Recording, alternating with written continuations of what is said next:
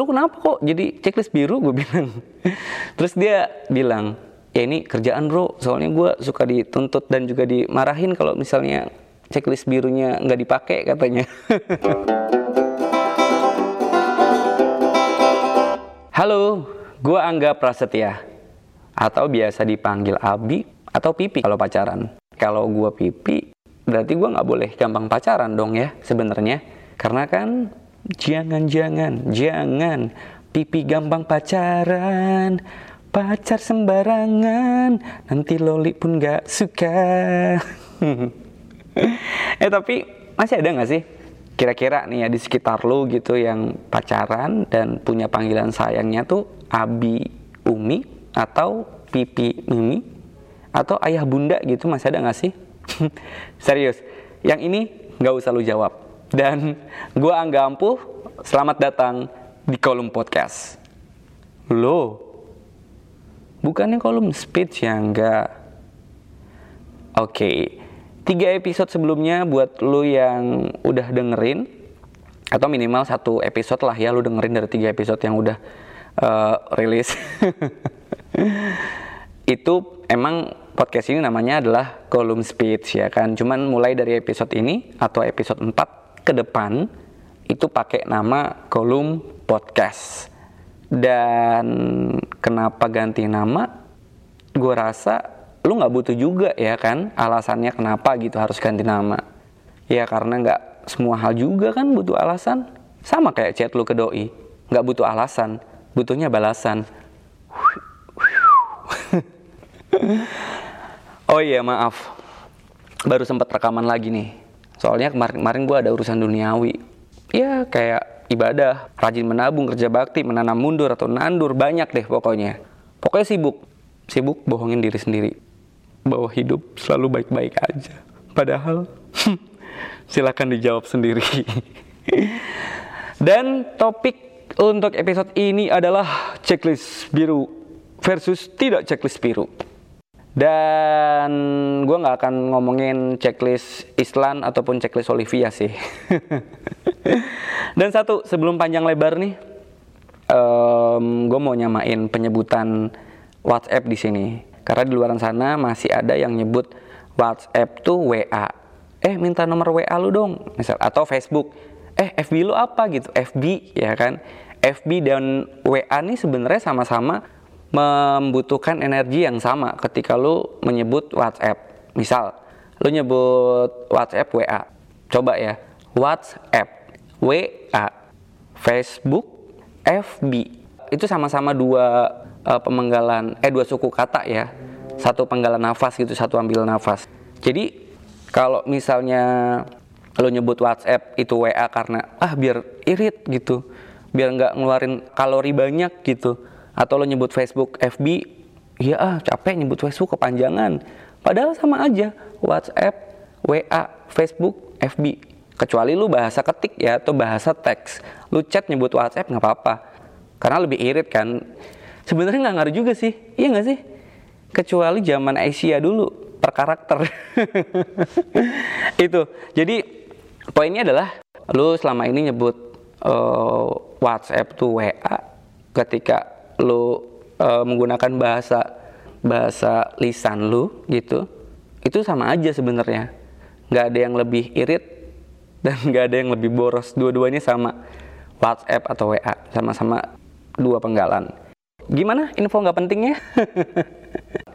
Dan kenapa gue milih topik ini? Karena ada temen gue yang harus ganti pengaturan di WhatsApp-nya tuh dari checklist nggak biru ke checklist biru. Cuma gara-gara urusan kerjaan. Jadi gue pernah chat nih temen gue gitu ya.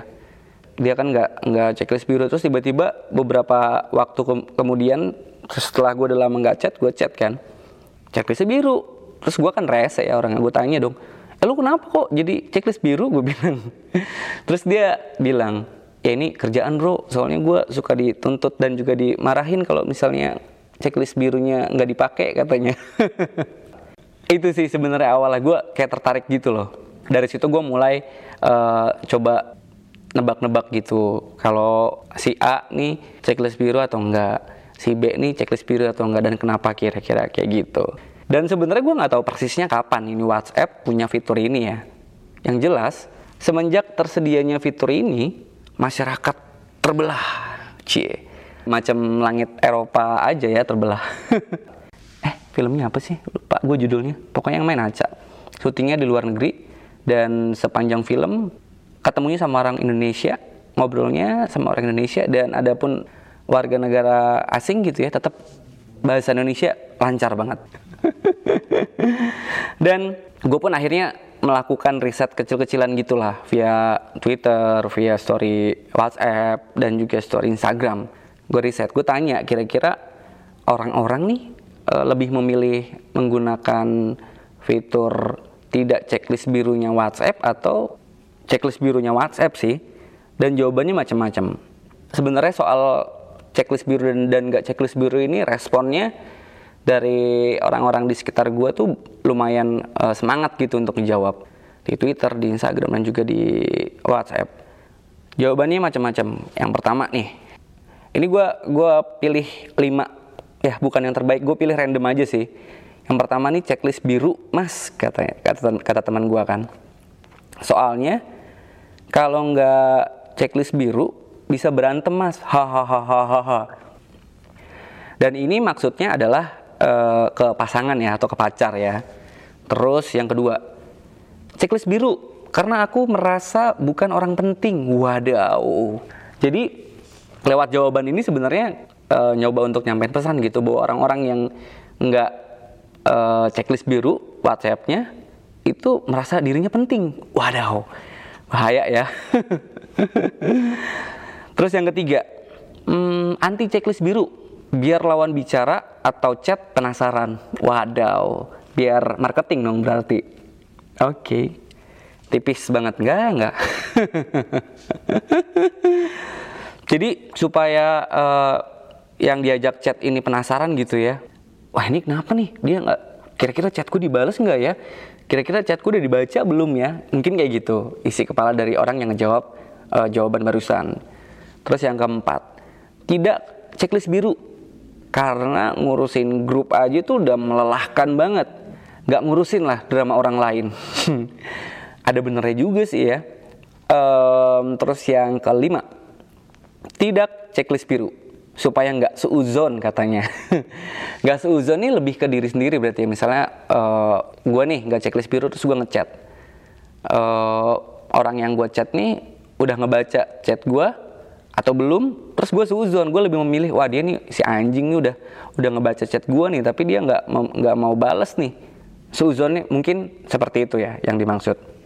Dan dari lima uh, apa namanya, namanya jawaban yang gue sampein tuh berarti ada dua yang memilih checklist biru dan tiga yang uh, tim tidak checklist biru.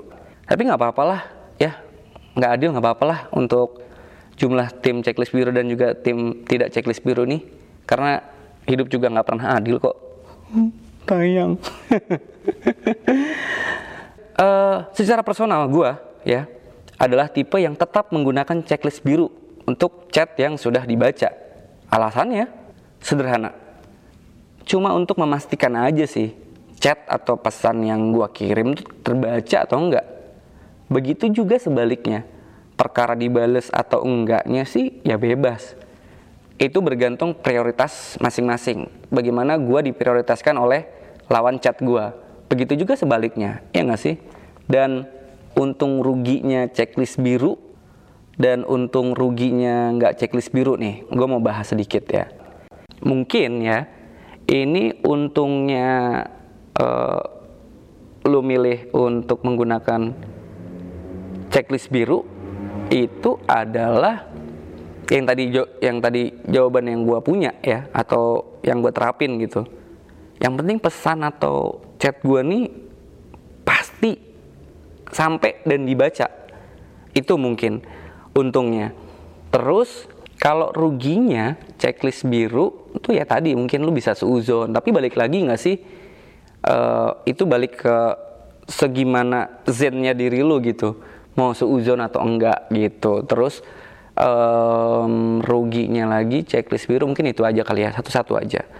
Kalau untungnya nggak checklist biru mungkin ya itu lu jadi jauh lebih tenang gitu untuk ngebales chat orang lain gitu. Nggak nggak kayak diburu-buru dan juga kayak anjir ini dia udah bales nih. Gue uh, apa namanya belum bisa bales tapi gue mau baca chatnya. Mungkin kayak gitu ya maksudnya kayak uh, karena ada beberapa juga ada ada satu deng temen gue yang dia memilih untuk nggak checklist biru karena katanya padat banget banyak banget setiap harinya tuh orang yang harus dihadepin. Nah cara untuk mensiasatinya adalah untuk tetap berkomunikasi dengan baik. Dia memilih untuk mematikan checklist birunya itu. Jadi supaya si orang tuh nggak nunggu-nungguin banget gitu kalau nggak checklist biru untungnya. Ruginya adalah nggak checklist biru ketika urusan kerjaan sih. Bener tadi uh, latar belakang atau latar belakang lagi. Alasan gue pertama kali ngangkat topik ini gitu. Kalau urusan kerjaan misalnya lagi dikejar deadline gitu ya um, atau lu misalnya mau beli sepatu mau beli sepatu gitu uh, online ke penjualnya lu chat gitu terus si penjualnya tuh nggak checklist biru. Lu akan akan lebih kayak anjir nih duit gue udah udah keluar segini nih orang udah dibaca belum sih chat gue mungkin kayak gitu. Dan untuk kerjaan ada yang memang kayak dibutuhin tuh komunikasi tuh cepat gitu loh. Kayak misalnya uh, project yang membutuhkan deadline yang dikejar waktu. Itu kayak uh, apa namanya ya harus cepet nih pastiin lu baca nggak chat gue nih? Gue ngasih ngasih uh, apa namanya direct kayak gini lu ngebaca nggak gitu? Walaupun tetap bisa jalan sih maksudnya tetap bisa ya baik-baik aja kalau misalnya uh, ada kesepakatan sebelumnya dan lu nggak checklist biru tapi lu responnya tetap cepat gitu kalau ada urusan kerjaan kalau lu memilih untuk nggak checklist biru kayak gitu. Walaupun nggak ada kewajiban juga tapi balik lagi kalau kerjaan gimana? Apalagi melibatkan orang lain yang urusannya tuh penting bukan cuma chat hahaha hihi doang lagi apa? Udah makan belum? Uh, yang kayak gitulah chat-chat kayak gitu. Nah itu untung rugi dari tim checklist biru dan tim tidak checklist biru. Ini kita kita gua kali ya. Image yang melekat ya image yang melekat itu orang-orang yang nggak checklist biru tuh musuhnya adalah pekerjaan tadi yang gue bilang ya, yang membutuhkan komunikasi intens. Checklist biru adalah musuhnya sakit hati. Sakit hati lawan chat kita, lawan bicara kita, dan diri kita sendiri sakit hatinya gitu. Itu. Terus um, jadi kenapa gue sepenting ini gitu ya? Karena ada seorang pemikir dan juga dia nih peraih Nobel perdamaian gitu. Dia pernah bilang, lawannya cinta bukanlah benci, melainkan perasaan diabaikan. Bro, serius. Perasaan diabaikan tuh mengganggu banget ya. Ini Ellie Wiesel pernah bilang kayak gitu. Walaupun ya, lu nggak bisa serius deh, lu nggak bisa, kita nggak bisa ngatur bagaimana pesan atau chat kita tuh ditanggapi atau direspon sama orang lain. Atau diabaikan. Karena itu apa ya itu bukan ranahnya kita gitu. Setiap orang bertanggung jawab atas apa yang dilakukan dan apa yang dia sikapkan gitu. Yang bisa kita persiapkan adalah cuma satu menyikapinya. Karena gini ya maksudnya kenapa gue sampai bahas gitu? Kadang-kadang tuh bentrok ada bentrok. Misalnya gue tim checklist uh, biru pasangan gue misalnya misal ini ya itu nggak checklist biru nanti ada mispersepsi tuh antara gue dan dia kalau sebelumnya nggak ada kesepakatan terlebih dahulu ya nih kalau chat gimana apa segala macam gitu. Uh, seberapa penting chat itu atau seberapa penting komunikasi itu gitu ya buat gue sama pasangan atau uh, sama orang-orang yang baru dikenal gitu yang lu belum kenal dia tuh kayak gimana. Misalnya lu yang nggak gue yang nggak checklist biru gue akan nuntut uh, lawan chat gue tuh lu kenapa sih nggak di checklist biruin? Lu checklist biruin dong kayak gitu. Dan yang uh, checklist yang nggak checklist biru juga bilang kayak gitu. Ya lu ribet banget sih. Udah lu tinggal dihilangin aja. Checklist birunya susah amat. Lu ngapain ngatur-ngatur hidup gue jadi bentrok gitu nggak ketemu. Nah hal-hal ini sebenarnya yang yang mengganggu gitu. Ketika lu punya sikap orang lain punya sikap dan nggak bisa ketemu gitu. Lu memaksakan memaksa saling memaksakan itu kan nggak nggak enak. Serius deh. Segala hal yang dipaksakan itu serius nggak enak ada sih beberapa yang dipaksakan tapi tetap enak. Dipaksakan tapi tetap enak tuh misalnya ya gua pribadi makan ya.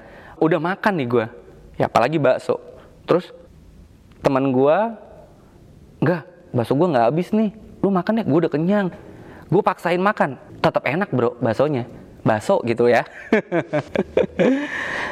Dan sebenarnya nih ya um, pengguna WhatsApp checklist biru dan nggak checklist biru nih di kenyataannya tuh nggak apa namanya nggak merepresentasikan bagaimana pilihan dia di checklist biru ataupun nggak checklist biru serius. Ada orang yang nggak um, checklist biru beberapa temen gue yang memilih untuk nggak checklist biru orangnya asik-asik aja.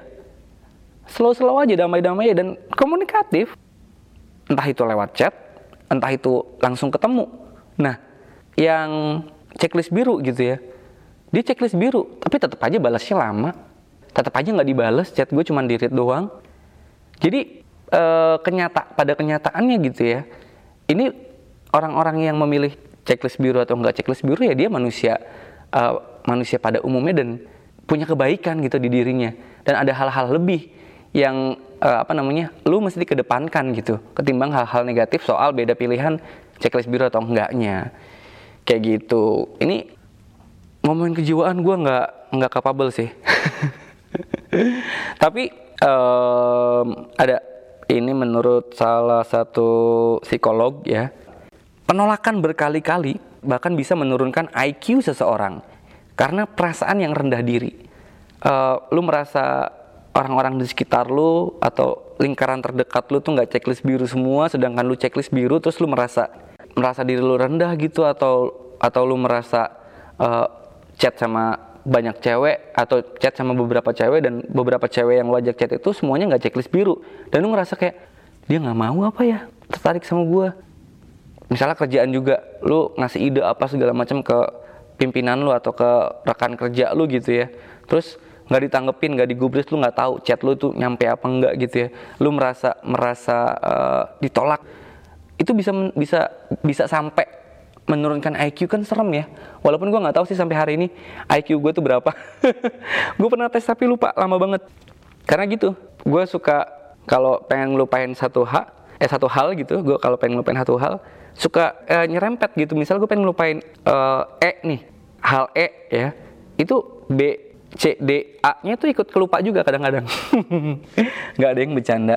Dan kayak gitu mudah-mudahan um, apa pun pilihan lu gitu ya checklist biru ataupun nggak checklist biru lu tetap bisa menjadi manusia yang uh, baik sih. Atau lu bisa menjadi diri lu sendiri nggak merasa tertuntut gitu sama lingkungan sosial lu sama orang-orang di sekitar lu gitu. Kayak gue harus banget ya ganti nih dari checklist biru ke uh, nggak checklist biru atau sebaliknya gue harus banget ya pakai checklist biru. Ya itu kalau lu mau ya nggak apa-apa gitu. Tapi kalau lu merasa terbebani lu merasa terganggu ya jangan. Karena yang paling utama dan di atas segalanya rasa untuk memenuhi kebutuhan keinginan orang-orang lain itu adalah yang paling utama adalah lu mementingkan diri lu sendiri dulu. Mementingkan apa yang lu butuhin dulu gitu sebelum ke orang lain lu diri lu sendiri lu hargain diri lu sendiri kayak gitu apa pun pilihan lu lu tetap bisa jadi orang yang asik, lu tetap bisa jadi orang yang slow, atau lu juga bisa tetap jadi orang yang brengsek, lu bisa jadi uh, menjadi orang yang lu pilih gitu. Dan kalau lu pikir nggak penting banget sih ng uh, ngangkat topik ini, ya nggak apa-apa sih. Nggak semua hal yang gua anggap penting, lu juga harus anggap penting kayak gitu. Intinya nih ya, mau checklist biru atau nggak checklist biru, kita semua itu sama kok, manusia dan kita semua tuh sama di mata band. Oke, okay, ini harusnya lucu ya. Dan um, yang punya kritik saran ataupun punya ide untuk topik atau pembahasan di episode selanjutnya lo bisa kirim email ya di infokolum at gmail.com info c o l u m n n double ya. Colum n double at gmail.com lu mau pakai nama atau nggak pakai nama mau pakai email yang lu pakai juga untuk Lina Job Street juga nggak apa-apa bebas. Dan sebagai penutup gue akan merekomendasikan tontonan yang kira-kira tuh masih ada hubungannya, masih nyambung gitu sama topik yang gue bahas. Yang pertama adalah uh, One to Seven Hour atau 127 jam. Ini film tentang bahayanya uh, pesan, bahayanya dan juga pentingnya komunikasi. Ya, ketika lu nggak komunikasi, ketika nggak ada pesan yang lu sampaikan ke orang-orang terdekat lu, dan lu melakukan perjalanan jauh, orang-orang terdekat lu nggak tahu lu ke mana, itu lu akan pusing banget sih serius. Di film ini yang nggak suka darah-darahan, kayaknya disarankan untuk nonton film ini sih. Tapi ini keren banget. Ini film tentang gimana lu bertahan hidup ketika lu sedang dalam musibah, ketika lu sedang dalam uh, himpitan, bener-bener himpitan, ya. Uh, pokoknya lu kejepit gitu. Ini spoiler ya. Tapi lewat posternya juga sebenarnya udah kelihatan jadi nggak spoiler banget sih lu kejepit kejepit di tebing dan lu nggak bisa ngapa-ngapain itu dan tontonan selanjutnya ada adalah Letters to Juliet. Ini um, film lama ya 2009 kalau nggak salah. Atau 2010 gue lupa. Gue nontonnya di bioskop dan sebioskop tuh cuman enam orang kalau nggak salah. Gue sama mantan gue dulu pas SMA uh, eh, sepasang suami istri dan anak kecilnya satu dan satu lagi mas-mas di ujung sana. Cuman berenam satu bioskop. Dan ini filmnya tentang uh, bagaimana pesan yang terbaca dan pesan yang tidak terbaca tuh bisa merubah hidup lu ya. Serius. Jadi ini tentang um, di Itali ada satu tempat gitu ya. Itu disebut rumahnya Juliet lah. Nah di situ ditaruh surat-surat. Lu kalau misalnya mau ngungkapin cinta atau doa lu atau kebucinan lu gitu di tembok itu nggak apa-apa. Jeder nanti ada admin yang ngebales ada admin yang ngirimin uh, surat lu itu ke orang yang dituju.